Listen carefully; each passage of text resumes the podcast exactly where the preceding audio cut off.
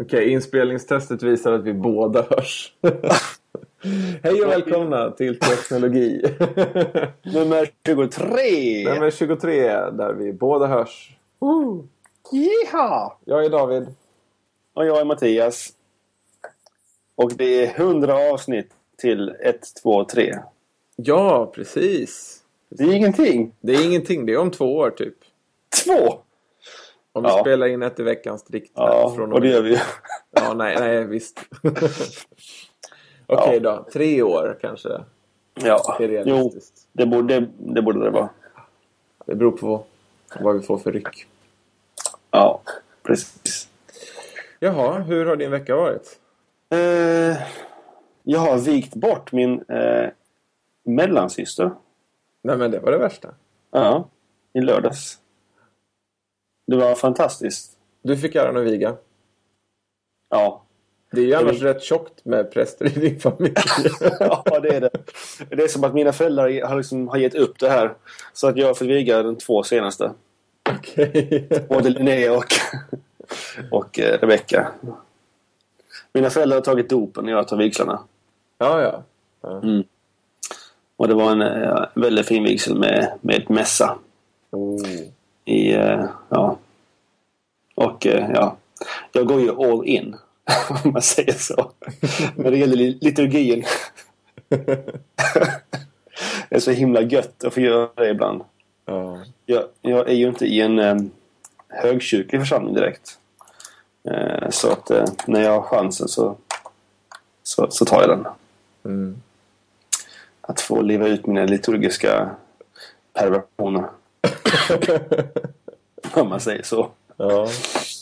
Ja. ja, men det är Och härligt fick, att höra. Eh, ja, och så fick min, min svåger Marco, han eh, var också med i gudstjänsten. och- I mässdelen. Det var roligt. Den blivande prästen. Mm, precis. Han är väl en av våra lyssnare tror jag. Ja, vi får väl se efter det här avsnittet om man reagerar. Om man kommenterar på något vis. Ja. ja, hur har din vecka varit? Ja, men alltså den här veckan som var nu. Det är ju en av vår, årets stora veckor för mig. Mm.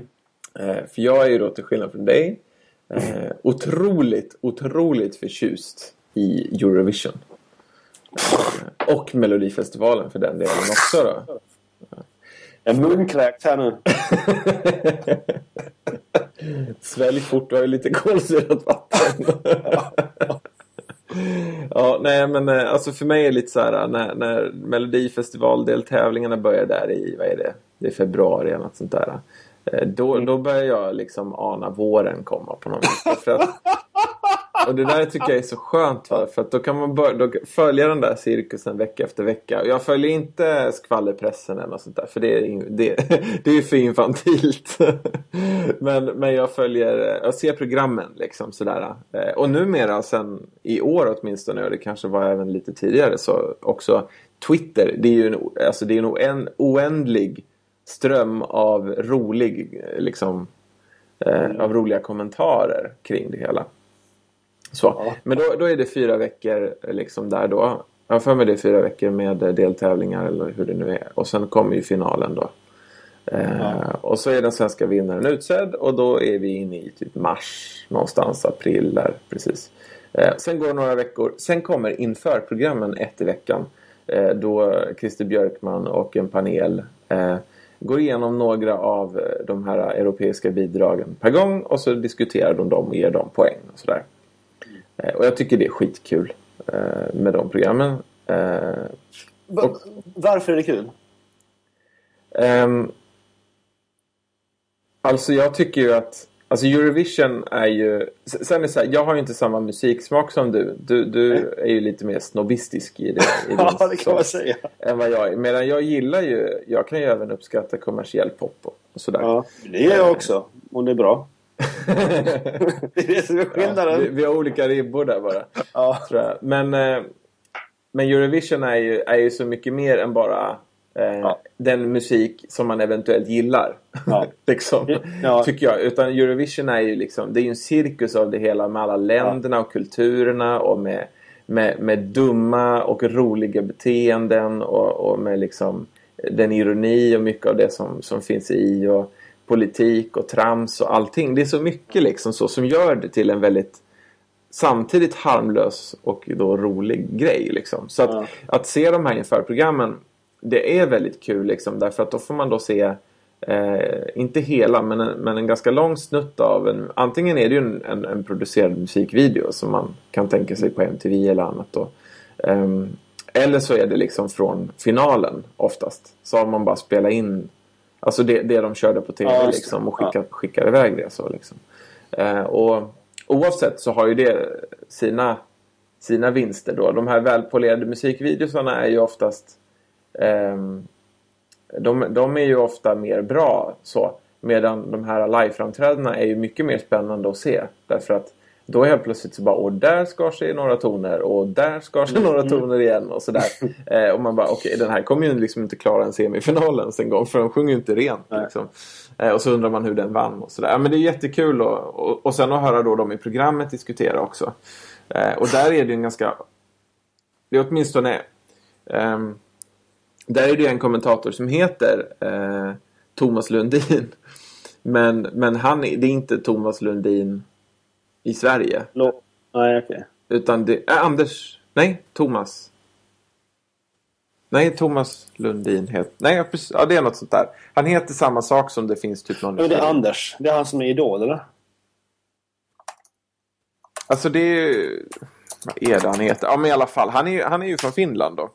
Förr i tiden var ju den där... In, in, in, Ja, ja. Införpanelen i, där var ju förut, det var ju en gemensam satsning. Så det var ju en norsk, en dansk, en svensk, en finsk och en islänning. Liksom. Ja!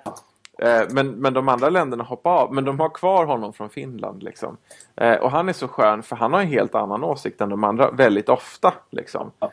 Eh, och står för det rakt av och bara inte bryr sig om att de andra rådissar artisten. Så, så bara Nej. där har man ett roligt samspel liksom, mellan, mellan personerna i panelen. Liksom. ja. Sen är det lite olika från år till år hur kul det verkligen blir. För en del av de som har varit med i panelen blir man ju mest irriterade på.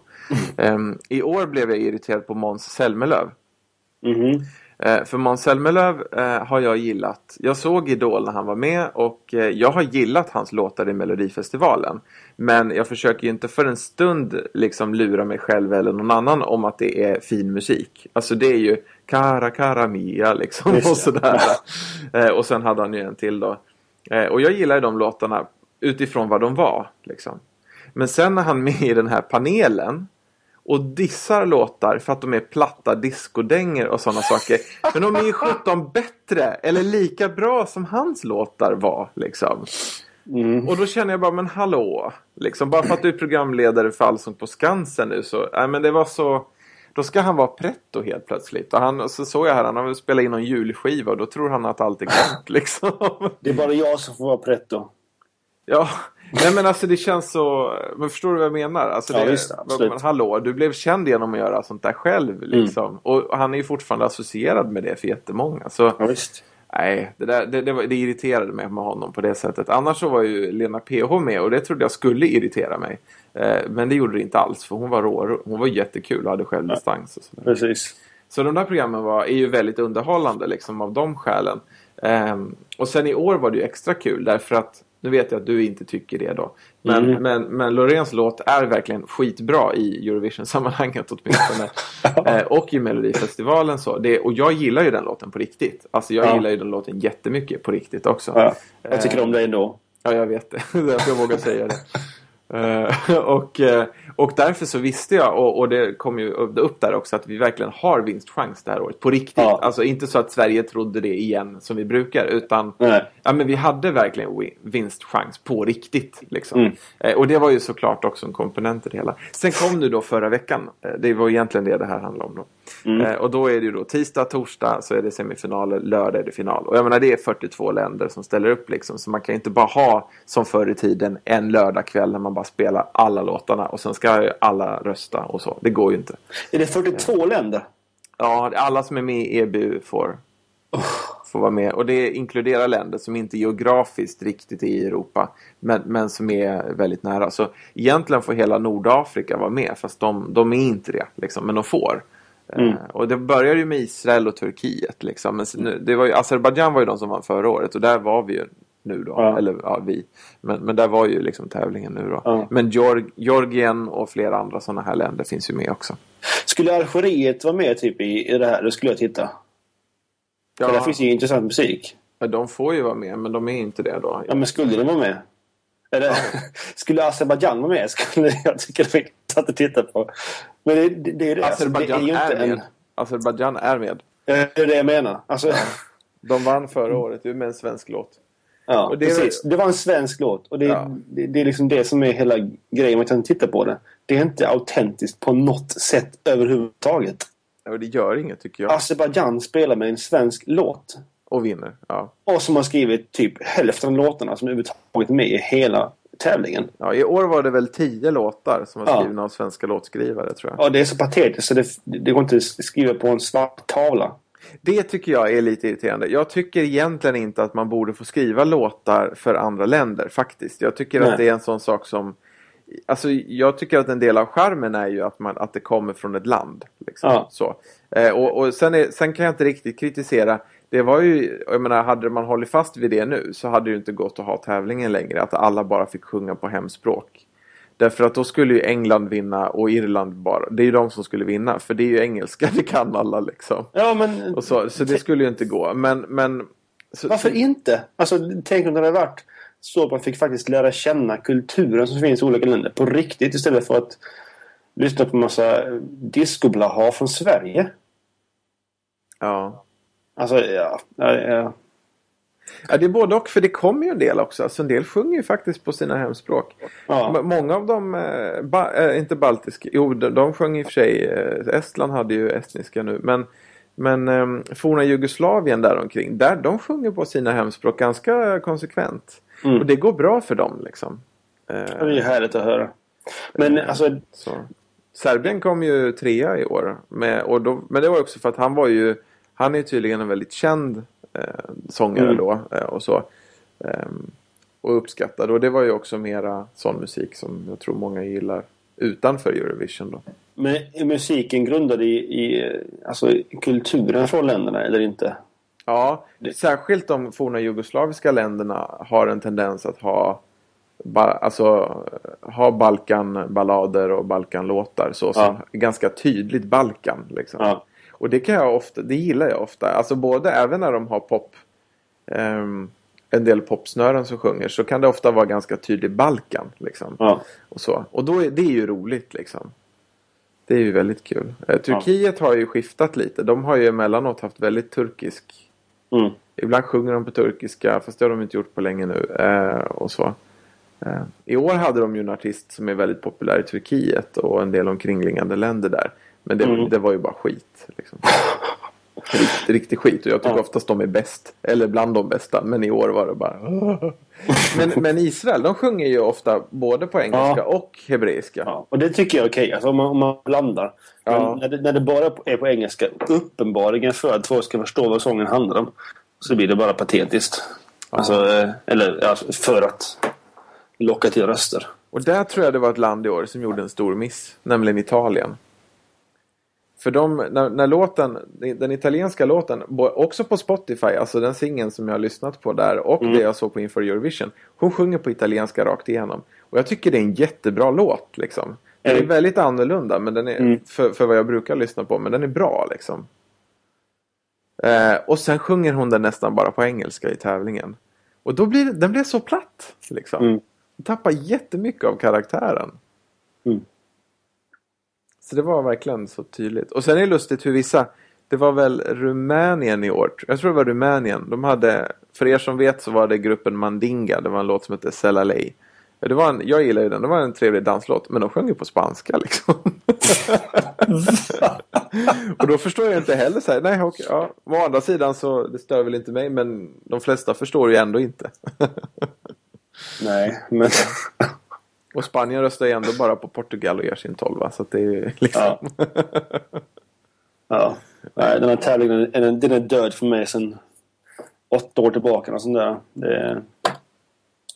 Ja, jag, jag tycker det är fantastiskt. Så förra Alltså, veckan jo, var ju alltså- stor för mig. Liksom. Det var ju en stor vecka för mig. Eh, och att sen då sitta på lördagskvällen och, och följa, följa hela det spektaklet. De här, Alltså det var ju de, nog de sämsta och träigaste programledarna på, på länge. Och det brukar ju inte vara hög kvalitet till att börja med. Liksom. Men de- Eh, de- och manuset var ju bara ännu värre. Liksom. Alltså, jag menar, det är inte något av de skämten är ju roliga på pappret. Liksom. Så jag förstår ju liksom inte ens hur, hur man... Alltså det var ju bara helt vansinnigt. Och sen i, i det stora...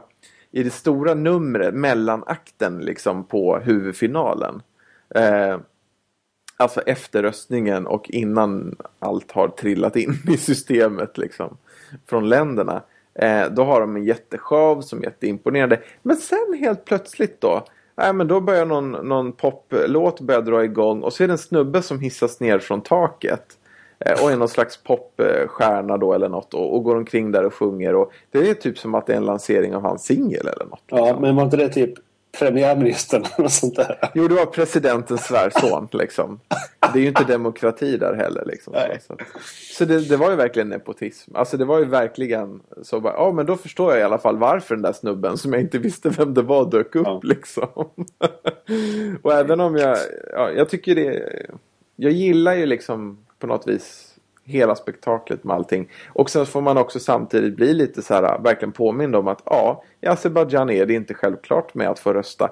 För det Nej. får man inte. Och det är självklart att presidentens svärson blir popsnöret på scenen liksom i mellanakten. Så. Ehm, och det var också, tyvärr pratade de, de svenska kommentatorerna i år var, var, var rätt vassa, de var roliga. Mm. För de gjorde ju en ganska stort nummer av de väldigt dåliga programledarna.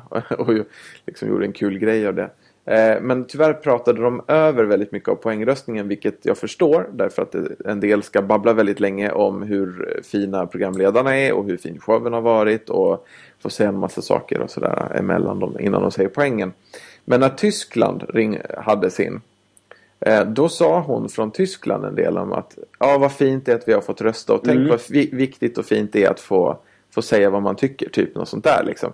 Och, och gjorde något sånt där. Så det blir ett riktigt politiskt statement liksom så. eh, Innan hon gav rösterna. Och det gillar jag skarpt liksom. Att markera starkt. På, på, på ändå ett snyggt sätt liksom. Så att man inte pajar hela showen heller liksom. Det var en sån här sak som smet igenom mina blockfilter i, i Tweetbot. Ja, precis, precis det du sa nu. Okej. Ja. ja men det gillar jag skarpt liksom. Sen Ja. är ju hela Twitterströmmen, särskilt under förra veckan.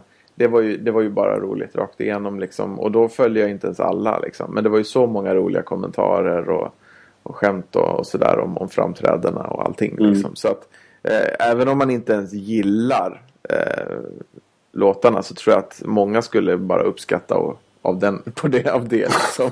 Det blir som en helt egen un, underhållningskategori liksom. Det kanske är det jag skulle tycka det var kul. Det är som att ja, klanka ner på alla, Ja. på alla artister. Jo men i och med att så många går ihop och gör verkligen något Ja. kul av det också så blir det en väldigt rolig så här, ström med kommentarer om, Mm. om hur de beter sig eller deras kläder eller snarare brist på kläder många gånger och, Ja. och sådär liksom. Ja. Nej men det är jättekul. Så eh, jag har haft en väldigt bra vecka och i och med att Loreen vann, eh, vilket ju inte var jätte, jätteförvånande så, eh, så, så Nej. var det väldigt kul. Och, och där måste jag ge mig själv Alltså, och det var ju inte förvånande att hon vann heller. Men jag vågade faktiskt säga det hela förra veckan. Att jag tror att hon vinner. På riktigt. Mm. Liksom, så. så det är jag nöjd med att jag hade rätt. Det är ju verkligen jätteroligt att Sverige vinner. Det är väl är det första gången på typ 12 eller 13 år. och Sånt där. Ja, vi var 99. Då var det Charlotte. Eh, Mm. nu, numera Pirelli, då Nilsson. Ja. Ja. Det är jätteroligt. Men Ja. alltså, vilket dåligt framträdande. alltså, man hör inte vad hon sjunger. Nej, det var inte lika bra som, som första framträdandet i Sverige. Det var det inte. Hon sjunger sämre än jag pratar. Mm. Alltså ur eh, artikulationssynpunkt. Mm. I finalen gjorde hon ju ändå eh, en mycket bättre insats än i semifinalen. Där svajade det till och med lite grann och, hon Ja. mumlade verkligen. Sådär.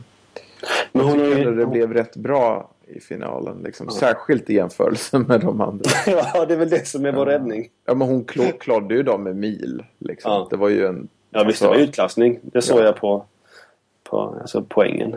Och, Ja, och det var hon värd. Alltså, jag menar, Ja. ingen annan låt var i närheten av så väl Alltså, så här, alltså bra dansdänger fanns det ju flera av liksom. Mm. Och, och Cypriot-tjejen hon sjöng ju rent i finalen om jag minns rätt i alla fall. Och det, den gillar jag liksom som danslåt sådär. Och den där Selalej också. Mm. Eh, men det är ju mera vanliga danslåtar. Medan den här är ju den här är ju mer välgjord på något vis. Den tar ju ett steg till mot de andra gör, tycker jag. I sammanhanget liksom. Och framträdandet också är, är ju mycket mera annorlunda från de andra. Så att Ja. hon, Hon hade ju i alla fall en scennärvaro. ja, Så, Ja, jag, jag har ju sett hennes framträdande. Det var det enda jag sett. Men eh, mm, alltså, man, man märkte att hon, hon tyckte om att stå på scen. ja, Eh, och vi visste var hon var och var publiken var. Och, bryr sig om, bryr sig om Ja. vad hon gör liksom. Ja. precis. Jo, absolut. Och det hjälper ju väldigt mycket. Ja, men det gör det. Nej, så det var, det var väldigt kul. Så det, jag, har, jag, jag, har- jag är glad för din skull att du har haft en bra vecka. På, på riktigt. Alltså, ja, ja, ja. och resten av Sverige är jag också glad för. ja det, det är kul. många som har haft kul. Ja, precis. Ja, visst är det, jätte, jättemånga. Ja, det är verkligen. Ja. Det är härligt. Mm. Mhm. Okej, vi har fått lite feedback va? Ja, äntligen så börjar Teknologis lyssnare höra av sig. Mm. Jätte, jätteroligt. Ja, det är det verkligen. Eh, Dels så har Thomas Jarvid eh, gett oss en, eh, en fyrstjärnig recen- recension på iTunes Store. Han säger så här. Jag tycker att Teknologi är en väldigt bra podd. De har alltid något intressant att komma med. Rör sig fint i gränslandet mellan att vara kyrklig och fånga upp intressanta tankar från de mest olika håll. Ja, den här recensionen fångar väl upp ungefär det vi tänker att vi är. Det är det vi vill göra. Så det är Ja. jättekul om vi lyckas med det. Mm. Precis. Han sa i veckan tror jag någon gång på Twitter att vi hade låt, låtit, låtit väldigt trötta i något avsnitt. Såg du det? Nej, det måste jag kolla. Jag ska se om jag hittar Twittern. Vänta. vi spelar ju Nej. nästan alltid in väldigt sent. Ja. Det, det har ni ju märkt också som lyssnar om ni har lyssnat eh, på, på många av avsnitten. För vi avslöjar ju det rätt ofta också. Och det påverkar ju såklart lite grann. Det gör det. Ja. Men jag tror inte våra samtal skulle bli jätteannorlunda om vi spelade in vid någon annan tid på dagen heller faktiskt. Nej, vi är ju föräldrar. Ja, vi, lå- vi låter lite så här när vi pratar. Säger 12 dagar sedan på Twitter säger eh, Fader Thomas, som är heter på Twitter. Lyssnar på att teknologi nummer 11 om talang och tillit. Och det är jätteintressant. Och så inom parentes. En annan gång jag lyssnade var de nog väl trötta. Smiley.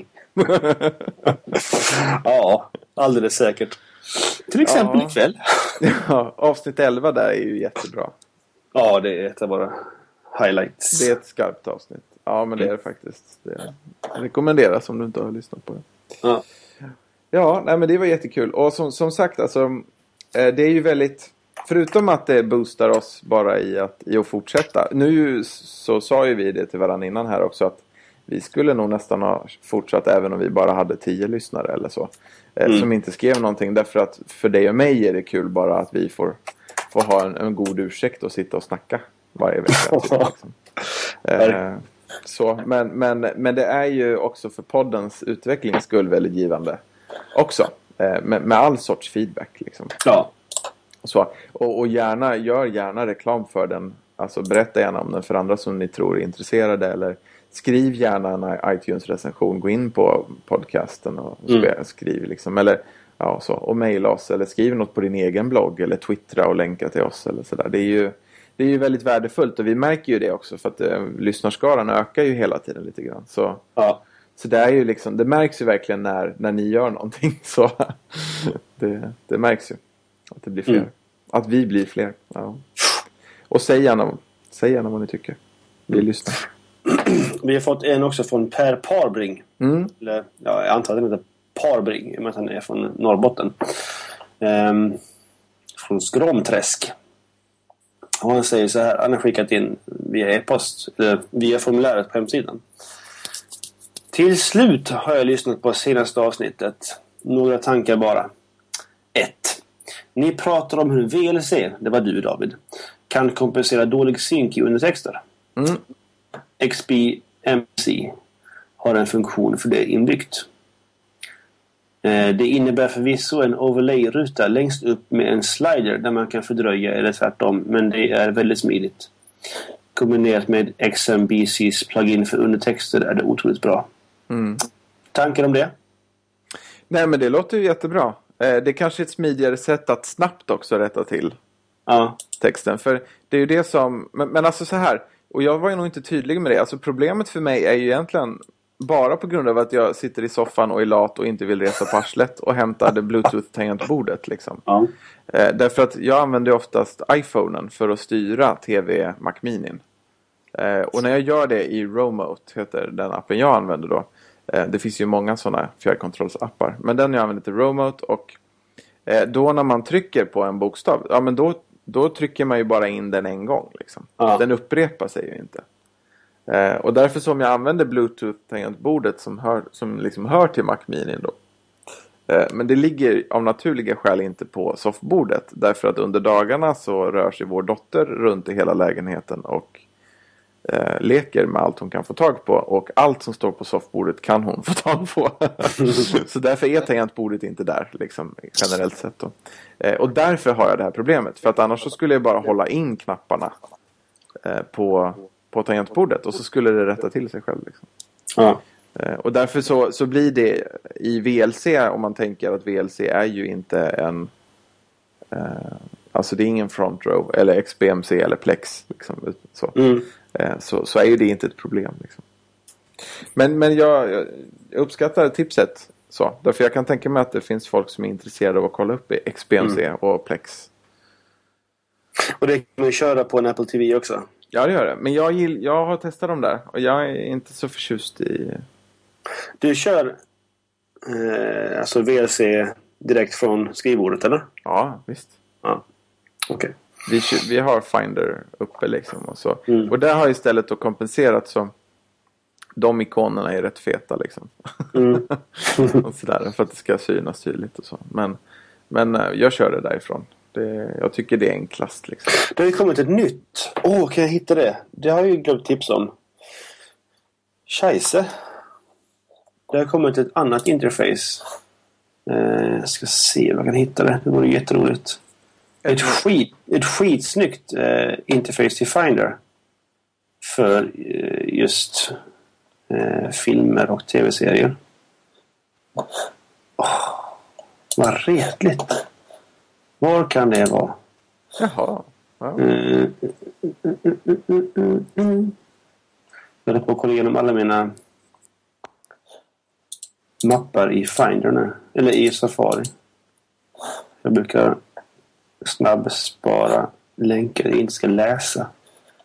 Där. Men eh, jag har inte gjort det. Det var ju väldigt, väldigt tråkigt. Du kan ju säkert återkomma till det. Till ett Ja, jag får nog göra det. Tyvärr. Ja. Nej men så, så att jag uppskattar tipset även om jag själv inte är någon ehm, eh, media center app användare. Mm. Så, liksom. Och jag är ju iTunes junkie. Eh, Så det jag gör det är att jag ser till att de fungerar före jag lägger in dem. Ehm, när jag, jag laddar ner med Filebot och sen så brukar jag använda ehm, vad heter det? Eh, subtitle editor. För att helt enkelt eh, så redigera subbarna tills de faktiskt fungerar bra. Mm. Sådär. Antingen det det har jag gjort i undantagsfall men oftast Ja. tycker jag inte att det är, är värt det. Utan det går Ja. oftast att rätta till ganska bra. Jag gör det inte med, eh, med tv-serier kan jag säga. Det, är väldigt, det är väldigt, väldigt få tv-serier jag lägger in i iTunes. Ja, de ligger väl inte kvar tillräckligt länge kanske. ja, det ska vara, Seinfeld har jag kvar permanent. Mm. Och eh, Game of Thrones. Och sen sådana här eh, korta tv-serier som eh, Band of Brothers och eh, The Pacific. Och eh, Sherlock Holmes tv-serien. Från BBC. Den är inte så kort men den är ju bra. Sherlock Holmes. Ja, den är kort i antal avsnitt ja. Ja. Ja, just det. Ja, Sen två. Eh, alltså andra punkter som... ja han var inte klar än. Nej. Nej. Intressant med enneagrammet. Har hört om det förr också. Själv är jag nog en femma. God dag, god dag, säger jag som är en femma. Nå, ni pratar om det dygden chastity. och hade lite problem att hitta en svensk översättning. Det har ni kanske hunnit kolla nu? Ja, med hjälp av dig Per. Men det etymologiskt närbesläktade kyskhet ligger närmast. Jag tror att det i Galaterbrevet 5 motsvaras av självbehärskning. Mm. Mm. Absolut. Ja, helt klart.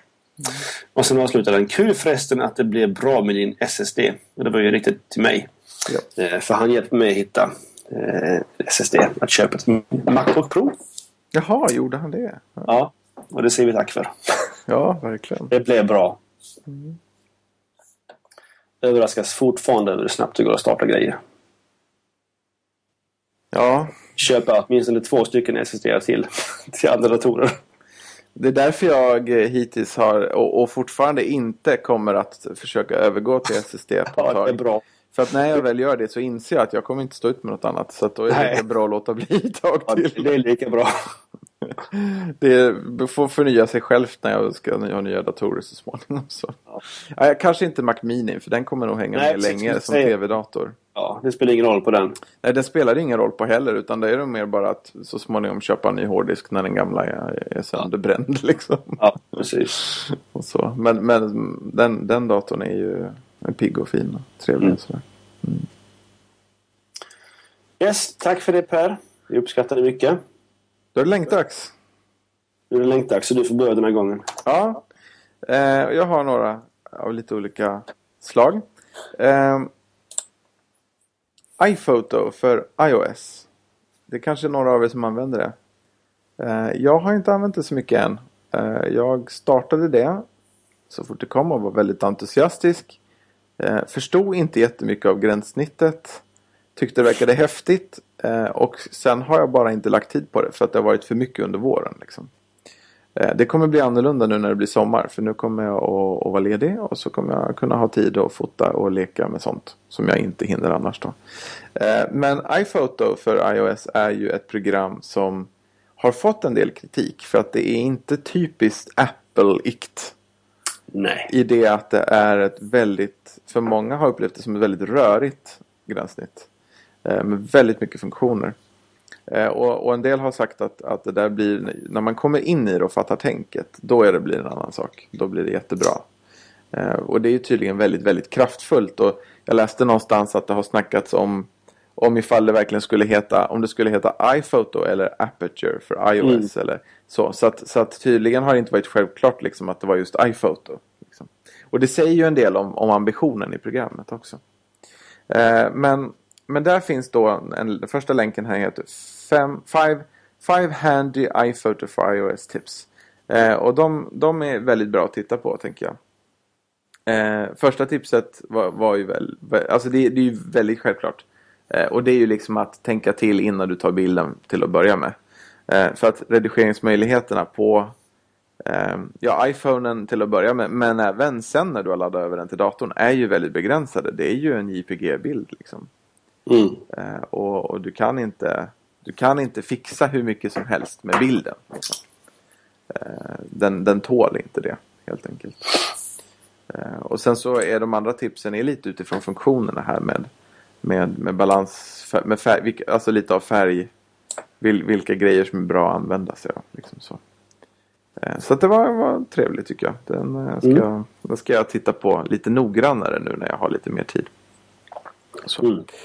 Ehm, och sen så fortsätter jag med andra länken. Och nu ger jag mig på att göra något som jag inte brukar göra. Eh, Därför den här länken har jag inte läst hela. Eh, jag har bara läst eh, lite grann. Men jag har läst eh, människor vars omdöme jag litar på som har läst den här.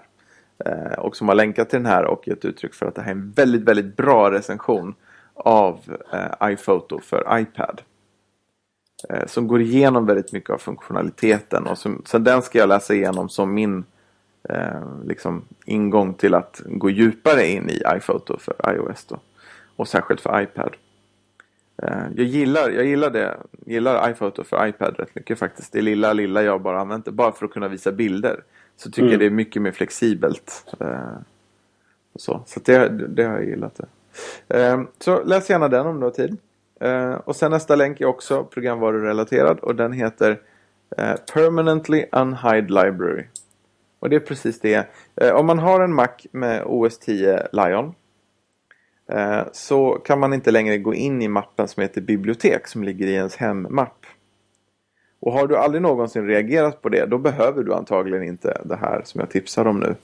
Eh, utan det, det handlar ju om att kunna komma åt eh, i, I den här biblioteksmappen sparas bland annat programdata. Alltså inte oftast dina filer utan data som programmet vill ha kvar. Eh, om sina beteenden. Eh, spel sparar ofta eh, dina sp sparade omgångar till exempel där. Och eh, Chrome eller andra, din webbläsare och, och, andra sådana program sparar sina inställningar där. Liksom. Så. så vill man in där och pilla eh, då vill man kunna komma in i biblioteket och en del vill väldigt ofta komma in i biblioteket och då är det lite mm -hmm. synd nu i OS 10 Lion att, att man inte längre har biblioteket i Finder. Eh, synligt alltså. Eh, utan om du håller in Alt-knappen och, och trycker på Gå-menyn i Finder. Då dyker bibliotek upp den vägen. Men vill du att biblioteket alltid ska synas. Då ska du gå in på den här länken. Och sen är det sista eh, datorrelaterade länken jag har. Eh, och det är mest för, för att jag länkade till OneShares för inte så länge sedan. Och det är en iPhone-app också då som, som man kan använda för att skicka text som sen så att det brinner upp då när mottagaren har läst den. Då. Eh, och BurnNote som jag länkar till nu är lite samma sak. En webbsida så. Där man kan verka kunna ställa in ännu lite mer kanske till och med. Så. Men det är samma funktionalitet liksom. Så gå gärna in där om du är nyfiken. Om man nu vill leka Mission Impossible Agent. Exakt. Och det vill man ju.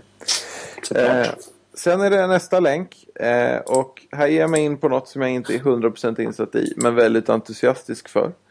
Eh, så vi får se om det är någon lyssnare som är mycket mer insatt och kan skälla på mig. Men eh, Stevia blev ju nyligen godkänt i EU. Eh, och Stevia är ett sötningsmedel som kommer från en blomma eller en växt som är släkt med krysantemum. Eh, det är alltså ett naturligt sötningsmedel. Eh, och det har äntligen blivit godkänt i, i Europa för användning i livsmedel och sådär. Eh, och det är lite speciellt. Ehm, just eftersom det då inte ska ha Det ska inte ha någon påverkan på blodsockret och det ska vara inte farligt. Liksom. I Japan så har ju aspartam som vi använder väldigt mycket i Europa har ju varit förbjudet tydligen i flera decennier. Medan stevia är det man har använt. Liksom. Mm.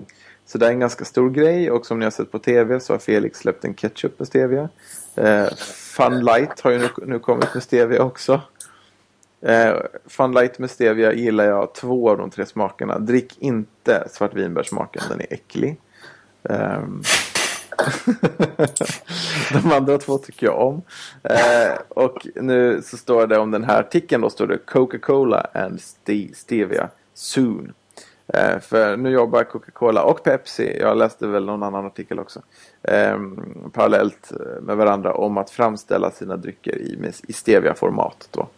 Eh, men då gäller det ju att få till en, en variant av, av, eh, av sötman då som man kan få in och få till sin karaktäristiska smak helt enkelt. Ja. Och så så det är det de kämpar med eh, för att sen kunna släppa Coca-Cola med stevia. Och du är ju passionerad Coca-Cola-drickare. I grunden är jag ju det ja. Mm. Ja, eller du, ja, du skulle vilja vara fortfarande. Ja, egentligen är det ju så. Men kan inte vara. Nej men alltså det, är inte, det går ju inte. Det är inte heller Nej, det funkar inte. Nej. Och pengamässigt och tandmässigt och sådär. men, men, men eh, kommer det med steg... Och jag dricker ju light när jag dricker. Men hur var alltså Coke Zero? Ja, det är också aspartam. Det är också det. För jag kommer ihåg när det lanserades. Då var det alldeles en eld lågor över det. Det var ju under praxisterminen. Kommer du ihåg det? Eller så, ja. Jag var nog, jag var, ja, jag minns inte det faktiskt så väl. Jag minns att jag minns, jag minns att jag kanske trodde att det var något annat för det, är så här, det finns ju ett annat sötningsmedel som som som, är som inte, ja, sukralos som inte är så farligt tror jag för människan. Mm. Eh, som aspartam är och som inte alls påverkar blodsockernivån och det är ju sukralos. Eh, ja. Och det hade de i light ett tag. Men sen Jaha. försvann, och det var då jag vande mig vid att dricka light nämligen. Eh, och, och, gick över till det. Men sen slutade de med det i light och jag tror att det kan ha varit så att jag trodde att Zero skulle ha det. Eller något. Mm. Så, så det kan vara ett missförstånd som ligger i grunden där. Okej. Okay. Faktiskt. Ja, nej men så är det. Eh, och jag gillar stevia hittills. Men det är, lite, det är ju annorlunda. Så, alltså de här sötningsmedel såväl som, som stevia som ju eh, är sötningsmedel på samma sätt som socker är det eftersom det kommer från naturen då. Eh, mm. är ju, alltså de är ju olika varandra till smak, till karaktär liksom. Eh, allt sött smakar ju inte socker liksom. Även om det är på något vis fördomen man har att det ska göra det. Eh, så därför så behöver man liksom känna efter om man gillar det. Själv. Mm. Så. Nog om det. Men, men vänta, vänta, vänta. Jag Nej. måste passa på och, och tipsa om en, en väldigt god dryck med riktigt socker. Jag ska se bara här om jag hittar den. Du vet eh, Grace, den här amerikanska eh, importören av amerikansk eh, ja. mat. Just det.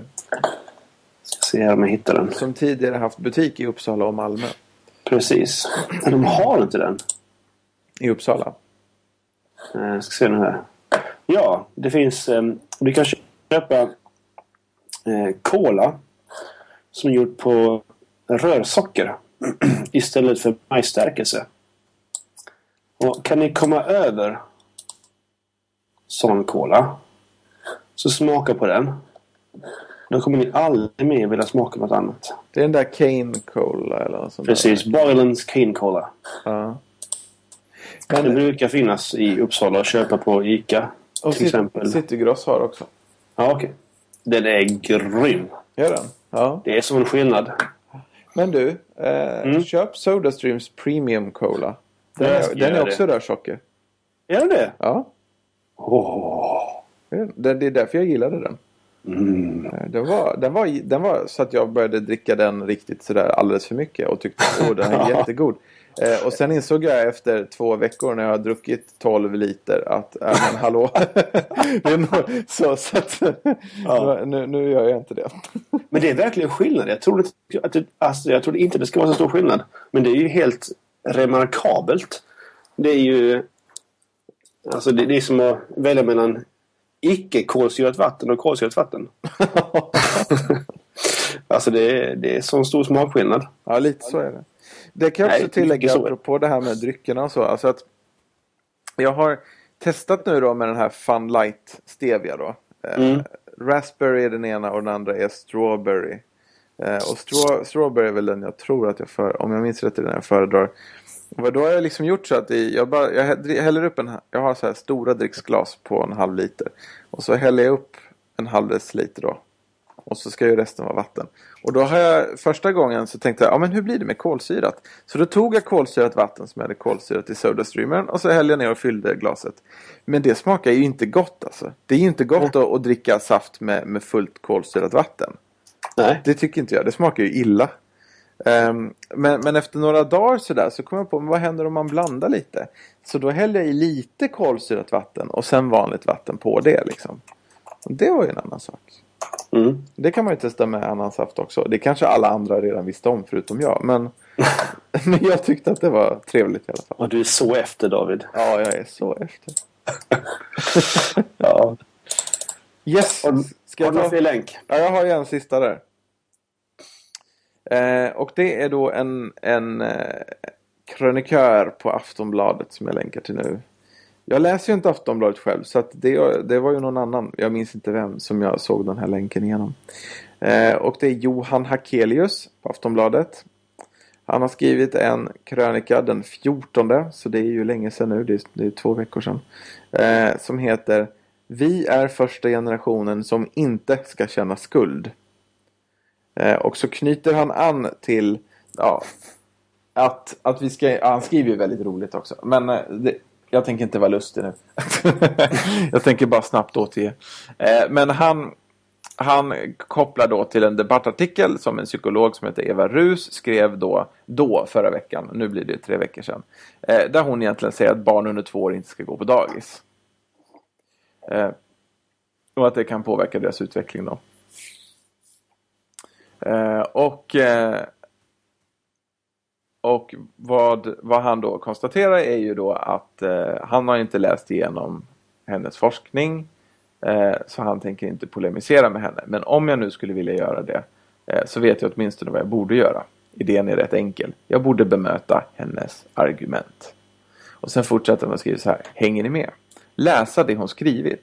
Granska det hon påstår och gräva fram uppgifter som talar emot hennes ståndpunkt. Och sen fortsätter han med, fortfarande med, bra, ni verkar tillhöra en minoritet. För Eva Rus fick mothugg, men i stort sett ingen kritiker bemötte hennes argument annat än i förbigående. Det vanligaste ordet var istället olika former av skuldbelägga. Lägg inte skuld på arbetande mammor. Eva, du skuldbelägger många föräldrar med knappa resurser och så vidare. Eh, och vad andra slutsatsen är ju helt enkelt att hon gör fel, inte för att det hon skriver är fel utan därför att det hon skriver är jobbigt att ta till sig för den som mm. läser det. Eh, det är alltså fel att få någon att känna skuld. Och då så konstaterar han att det, vi är tydligen första generationen som inte ska behöva känna skuld för något. Mm. Så. Eh, och jag tycker den problematiseringen är väldigt, väldigt nyttig. Mm. Och väldigt, väldigt bra. Um, jag tänkte på det för jag gick den här mordkursen som jag vet inte hur många studieförbund som har den men Sensus har den i alla fall. Mångfald och dialog heter den. Den skulle vi alla gå i Uppsala i kyrkliga samfällighet. Eh, och den, den, den, har det bra, även om innehållsligt så, så gör vi ju mycket av det i våra verksamheter med konfirmander och sådär. Men, men, men det var väl bra att gå den liksom och diskutera etik och moral och hur man beter sig mot varandra och även om man inte tycker likadant och sådana saker. Eh, men då, då, då, då pratar vi också om härskarteknikerna. Mm. Eh, och där är ju skuldbeläggning en härskarteknik. Liksom. Att, att få folk att känna skuld. Då. Eh, och det tycker jag är så intressant för nu har inte jag läst de här böckerna och det som ligger till, alltså som, som så. Utan nu, nu var ju det i den här formen i den här kursen som jag mötte det just. Eh, och reflekterar utifrån det. Och i, i, i, den här kursen så presenterades det i princip som Alltså som att, som att eh, ja, det, det är typ fel att få andra att, att känna skuld. Liksom. Mm. Um, men exemplen var ju då förstås när man på ett onödigt sätt fick andra att känna skuld. Men, men det är ändå intressant liksom att, att eh, för det är ju som han säger här, jag tycker att det finns det finns skuldbeläggning och, och, och så finns det riktig skuld liksom. Eh, och, och, och, känner, och sen finns det skuld som en effekt här. Jag menar, Eva Rus hade väl inte som syfte att få folk att må dåligt över att de inte hinner eller kan göra som de skulle vilja göra i familjen. Utan Nej. hon försöker presentera vad hon uppfattar är fakta. Liksom. För att vi ska kunna göra mer informerade beslut, tänker jag. Mm. Jag, vet, jag, känner inte henne, men jag tänker mig att det är det hon gör. Liksom. Mm. Eh, och då är det ju på den nivån man bör bemöta det hela. Liksom, så. Mm. så det är väldigt intressant. Det är både intressant om samtalsklimatet i samhället. Eh, och där kan vi påminna om, om den här att vara oense som finns på Teoknologis hemsida. Det är en väldigt bra översatt artikel eh, mm. om olika nivåer av, av hur man är oense. Så. Men det är också mm. det här med skuld. Eh, och det är intressant ur ett kyrkligt perspektiv tänker jag. Mm. Alltså, ja. Har man varit aktiv på Twitter något överhuvudtaget och följer många svenskar så vet man ju hur lättkränkta vi är. Och hur väldigt lätta vi hur väldigt lätt vi eh, spyr ut vår eh, känsla av att bli skuldbelagda. Ja.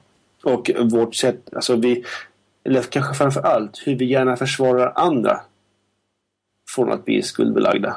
Mm. Um, det är hemskt egentligen. Alltså, att bli skuldbelagd är ju något fantastiskt egentligen. För det är ju liksom en möjlighet att gå vidare. Ja, det, om det är för rätt sak. Liksom. Ja, om, om, om det är rätt, rättfärdigt. Ja. Och min erfarenhet är att det är ju ofta det. Ofta är det det, men inte ja. alltid och ibland är det ändå inte för rätt sak. Liksom. Nej, men eh, jag tror att, att i alla fall min ryggreaktion, det är, eller ryggmärgsreaktion, det är ju att, att slå ifrån mig saker. Ja, det tror jag är allmänmänskligt. Alltså, ja, fast det är nog du. Det är nog, det är, det är nog en del av oss som är så. Eh, mm. Du och jag delar det draget. Jag har också väldigt tjock hud. Liksom, och mm. Det ska, alltså så, så att jag, jag tar till mig det om jag tycker att jag ska ta till mig det. Ja. Lite så. Men, men jag eh, känner eh, personer eh, från lite olika håll som jag har pratat om just det här med. Och de har inte alls samma naturliga försvars... Eller naturliga... Eh, så, att de inte tar till sig det så självklart. Liksom. Mm. Så, så där tror jag att det faktiskt är lite olika för olika människor. Jo, det är självklart att, att det är det, men... Ja. Men jag menar som, som jag kände ju skuld då. ehm, när jag växte upp och så satt man i mellanstadiet och så satt jag och räknade min matte. Men det var en del som bråkade jättemycket och det var jättesvårt att lyssna. Och sen skäller läraren ut hela klassen för att vi alla är så jobbiga. Mm. Eh, och det, jag kände mig skitdålig liksom. Men det var ju skuldbeläggning liksom. Orättfärdigt alltså. Det, det, det handlar ju om att få skuld för något man inte har gjort. Då. Mm. Så, eh, det tyckte jag var jättejobbigt. Mm. Eh, Så att det är ju viktigt ändå att, att, att det är riktig skuld i så fall. Som om man ska om man ska peka på något så ska det ju vara något riktigt man pekar på och inte något annat. Liksom. Självklart. Ah, ja. Mm. Nu har du lite länkar. Ja, första länken blev Boylens Cane Cola. Nu när du började prata om stevia. Så vill jag eh, föreslå ett, ett eh, annat naturligt alternativ. Riktigt socker. ja, precis. Vi som inte behöver banta, vi föreslår det. Eller vi som försöker röra på oss. Ja, gör ju du. Varför? Jag rör mig jättemycket. Ja, det är det jag menar. Varför, varför ska du dricka stevia för? Därför att jag har en tendens att också samtidigt äta saker i väldigt Ja. stor mängd som inte är bra för mig. Ja, det är väl det som är min, min eh, inom citattecken styrka. Jag känner inte när jag är hungrig. Så jag äter aldrig. Eller väldigt sällan. Ja. För sällan. Och du vet, sjuans dödssynd är frosseri. Det ligger Ja, mycket i det just för mig faktiskt.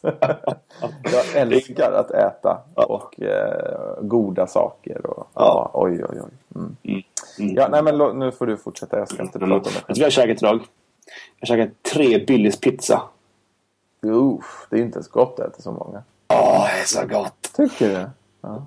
Ja, Okej. det är jättegott. Man kan mikra det. Man behöver, man behöver inte tillaga det. Nej, nej. Ja. Min andra länk handlar om lovsång.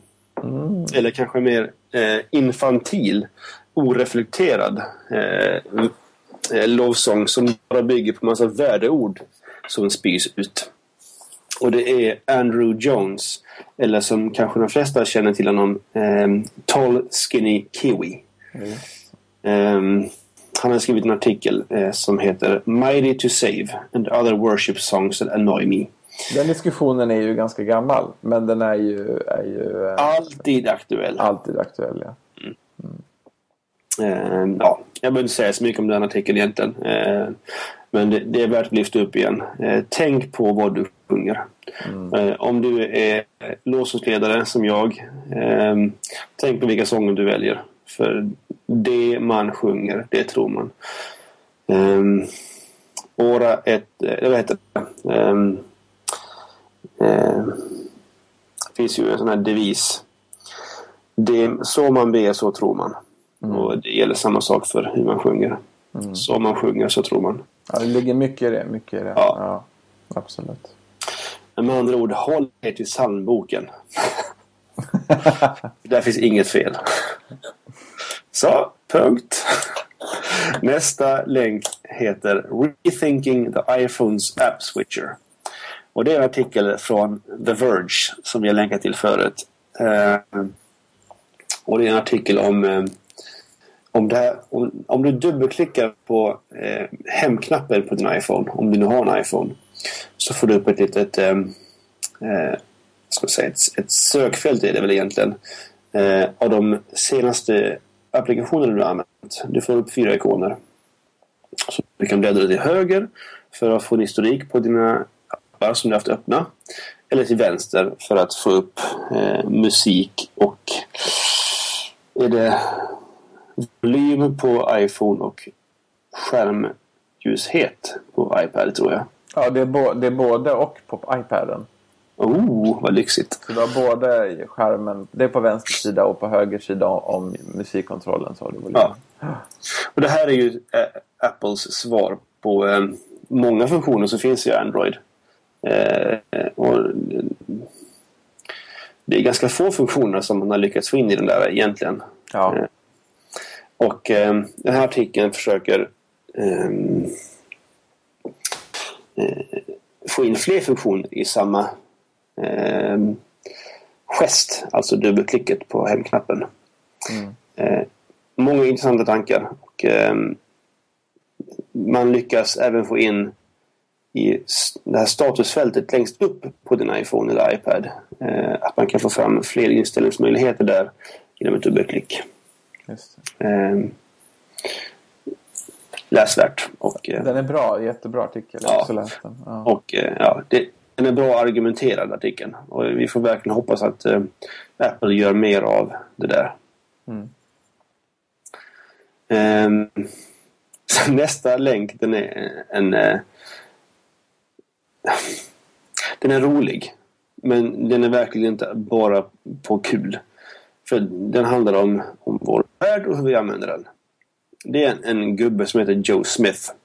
Som gav ett, eh, ett anförande på TED.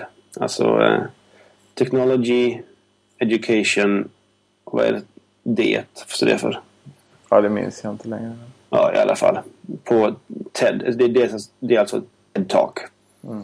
Eh, känner du till vad TED Talks är så eh, bör du känna till det.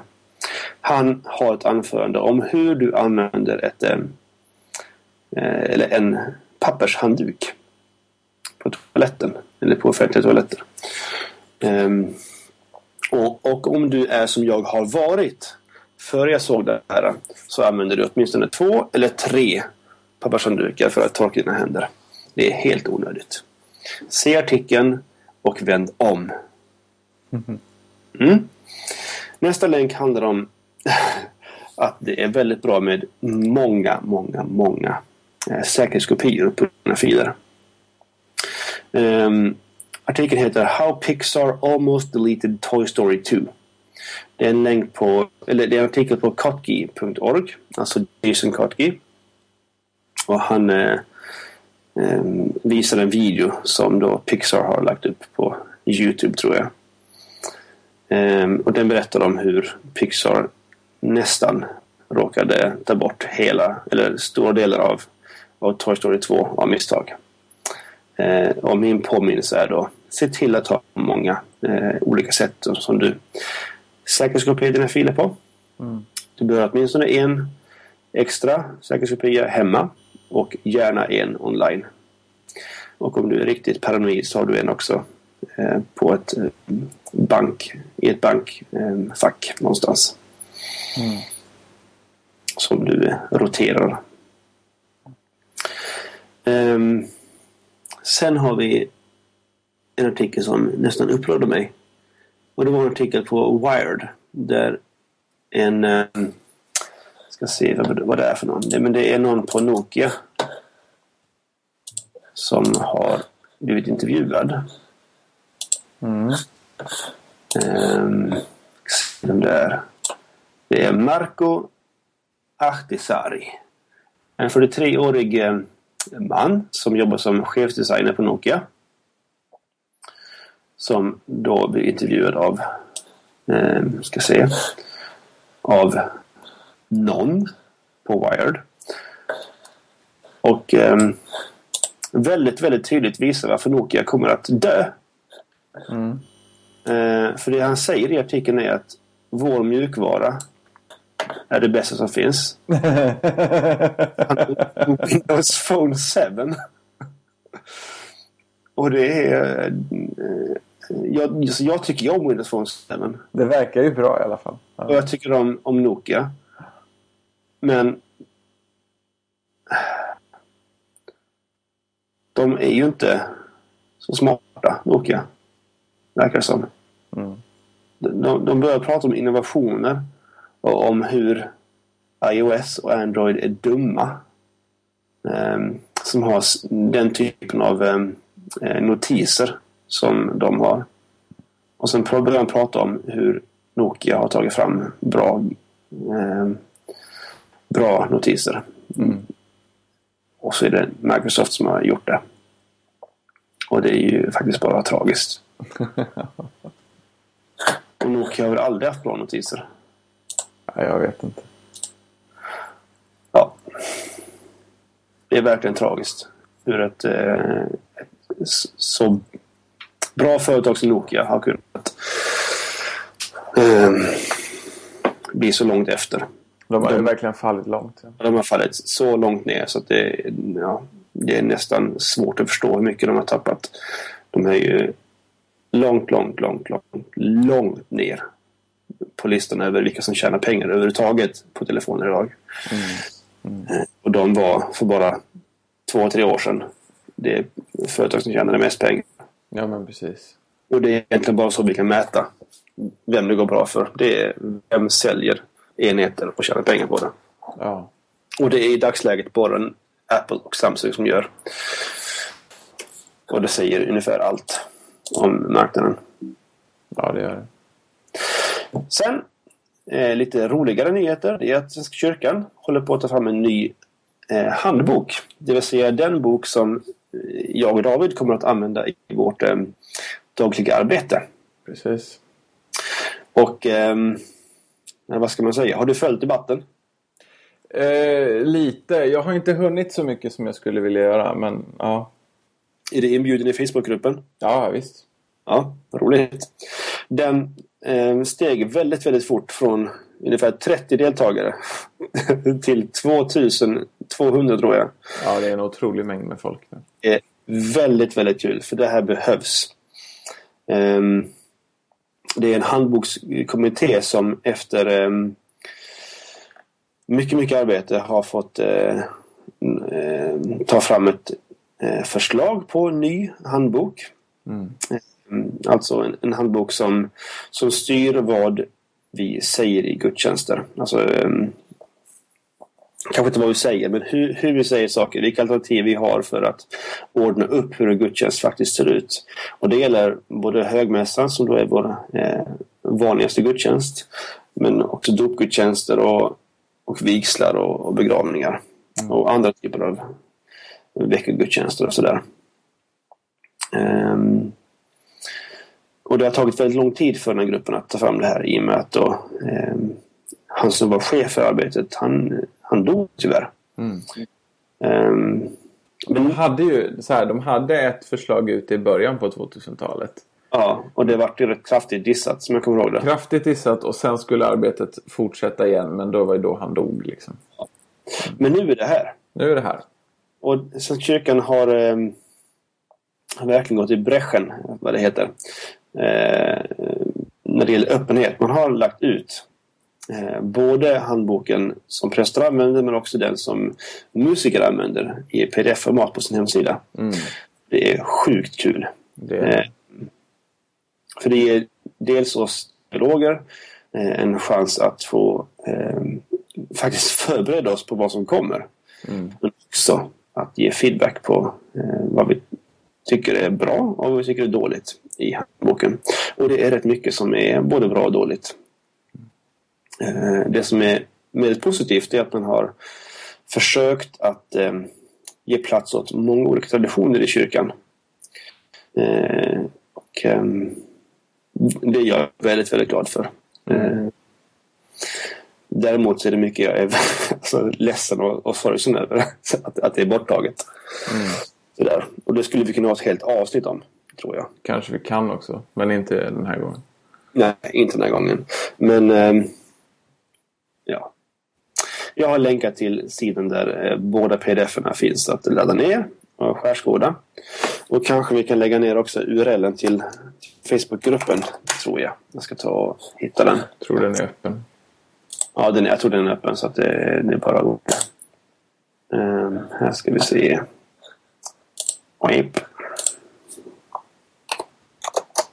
Bra, nu är den tillagd. Eh, om du är intresserad så ta gärna del av, av eh, det samtalet. Eh, din röst behövs oavsett om du är, eh, ser dig själv som kristen eller inte. Eh, för det är ändå hela Sverige som vi riktar oss till. Så att eh, har du en åsikt så vill vi väldigt gärna ta del av den. Mm. Um, ska vi se. Facebookgrupp för Svenska kyrkans nya handbok. Boom. Nu är den där. Um, det var min sista länk. Men jag kom på nu att jag har nog kanske egentligen en till. Alltså? Och det är ju The Talk Show. Det glömde vi. Ja. Har du följt den här debatten? Nej, eh, nej, ja, i princip inte. Jag har laddat ner det avsnittet. Ja, men du får gärna prata om det. Eller? Vad sa du? N- nummer två på nya talkshow, eller? Ja, jag har laddat ner den men jag har inte lyssnat på den än. Det är ju så här att eh, både jag och David vi är ju, är ju eh, fans av eh, podcastnätverket 5by5 som ju drivs av, av framförallt Dan Benjamin. Och för eh, två veckor sedan nu så framkom det väldigt abrupt eh, att eh, John Gruber, som ju både jag och David läser eh, på daringfireball.net han hade flyttat The Talk Show som då är en, en, en, en gammal poddsändning. Den har funnits sedan 2007 eller 2008. Mm. Den har flyttat den från 5by5 till eh, Mule Radio. Um, och det har orsakat en smärre um, ja, ett världskrig kan man nästan, nästan säga. Mot eh, både eh, Dan Benjamin och eh, Gruber. Så ett tag där så var det väldigt kul att, eller väldigt tråkigt och kul att läsa eh, att eh, replieserna till eh, de båda människorna på Twitter. Mm. Eh, och det verkar som att det har med pengar att göra. Eh, alltså att de har helt enkelt varit, inte varit överens om, om finanser. Mm. Och det är tråkigt. Och då kanske vi ska gå ut nu här och säga att vi tjänar inga pengar på den här poddsändningen och vi kommer inte byta eh, ja, podcastnätverk. För vi är inte på något. Nej, vi är våra egna. Ja, precis. Sådär. Och det, ja, det är verkligen tråkigt. Eh, tycker jag att The Talk Show har flyttats från 5 till eh, New Radio. Av två anledningar. För, att, för det första så tycker jag eh, helhjärtat att Dan Benjamin var en eh, ofrånkomlig del av, av den poddsändningen. För det var han som gav struktur till allt. Mm. Han är ungefär som, som kanske David är i vår poddsändning. Ehm, Fast ännu mer i så fall. Fast mycket, mycket mer givetvis. Ja. Men För du är inte så... jag är inte lika lakonisk som, som John Gruber tenderar att vara. Nej, precis. Eh, sådär, men eh, Vi har mer samspel i de sakerna tycker jag. The Talk Show är inte The Talk Show utan en Benjamin, så är det bara. Nej, jag håller med om det. Det känns jättekonstigt att lyssna på det när det. Ja. Sen kan jag tycka att, att John Gruber faktiskt verkar mer glad och på i nya Talk Show. Eh, Mm. Efter att ha lyssnat på senaste alltså avsnittet nummer två. Mm. Eh, som han ju har med Adam Lissagore. som jag verkligen tycker om. Ja, Adam är ju trevlig att lyssna på. Ehm, ja. Och för det andra då. eh, så tycker jag verkligen inte om en av de människorna som står bakom Mule Radio. Och det är då Mike Montero. Mm. Han känner du till? Ja, Han är imponerande på väldigt, väldigt många sätt. Eh, Jag har stor respekt för honom men jag tycker inte om hur han eh, behandlar människor på Twitter. nej. Ehm, Sådär. Och därför så... Och det ska ju vara en grej väldigt mycket. Jag fattar ju också det. Men jag, jag, tycker, inte det, jag tycker inte han är så rolig. Ibland är han kul, men, men det... Ja. Han hade ju väldigt rolig triad här nu. Ehm, Det är en vecka sedan nu, då han faktiskt började vara trevlig på, Facebook, eller på Twitter. I, jag tror det var tre dagar. Jaha. Ja, det lät ungefär som att Martha Stewart eh, skrev eh, på hans eh, Twitterkonto. Ett par, tre dagar. Och det var hemskt. Så man nästan längtade efter att han skulle bli otrevlig igen. Ja, så han är fortfarande ett rövhål. ja. Eh, jag lyssnar fortfarande på The Talk Show på eh, Your Radio. Men eh, det är högst motvilligt. Det är under tvång. Nästan under tvång. Bara för att jag lyssnat på det i fyra år tidigare. ja, precis. Och för att det är John Gruber. Som ju är trevlig att lyssna på. Vi har pratat i över en timme nu. Ja. En timme och tio minuter. Helt utan ämne. Helt utan ämne. Ja. Men ska vi ta ökenfärdens teckenspråk? Jo, men vi får hålla det ganska kort. Då det. Då ska vi se. Sist var det bågen. Ska se här. Då är det nummer 15 från Abba Antonios. Då står det så här. Bröderna berömde en munk inför Abba Antonios.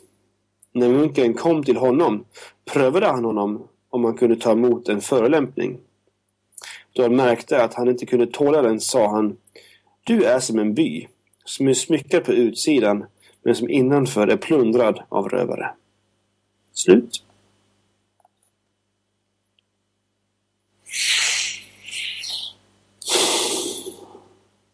Det här ansluter väl till Jag har det fönster? Eller? Kan du säga den där frasen igen? Du är som en by som är smyckad på utsidan men som innanför är plundrad av rövare. Mm. Det är rätt många bottnar där känns det som. Ja. Ja, det knyter, det knyter till, till mycket. Jag tror det som du sa, du får gärna förklara det mer vad du tänker med Har i fönster. Jag tänker också att det knyter till flera olika aspekter när det gäller med enneagrammet också. Jag tänkte mer- på det här att vi, vi tenderar att vilja framhålla den eh, sida av oss som, som alla vet om och som är, som är säkert för andra att, att se. Ja, just det. De sidor av oss som är säkra för andra att se och som vi också gärna väljer att, att visa upp. Och det är ju farligt när man inte också väljer de svaga sidorna i sitt liv. Ehm, eller visar sina svaga sidor i förhållande till andra människor. Just. Men i själva verket så, så är vi, så det stod i tänkespråket, vi eh, förstörda på insidan av, av de som vill slita oss i tu. Och, ja, som ökenfäderna säger, demonerna. Eller tankarna. Ehm, de destruktiva tankemönstren. Och vill du veta mer om dem så får du lyssna på förra avsnittet. Just det.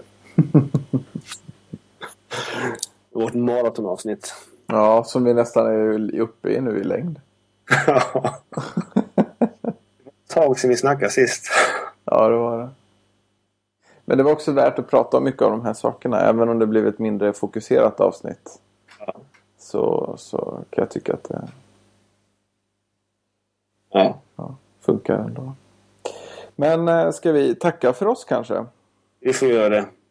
Jag känner att jag håller på att stupa på min post faktiskt. Så jag tror att det är rätt klokt då. Du skulle sett Nils i, i, i lunchas. Han satt och somnade i, i sin stol vid matbordet. Jag skulle spelat in det med alltså, ja, video. Det hade varit kul. Ja. Det, det är lite så jag är på väg nu. Jag känner att jag... Oh, okej. Ja, nej men eh, tack för den här veckan. Ja, vi säger så här. Hör gärna av dig. Hör gärna av er, absolut. Att teoknologi på Twitter. Eller reagera att teoknologi.se.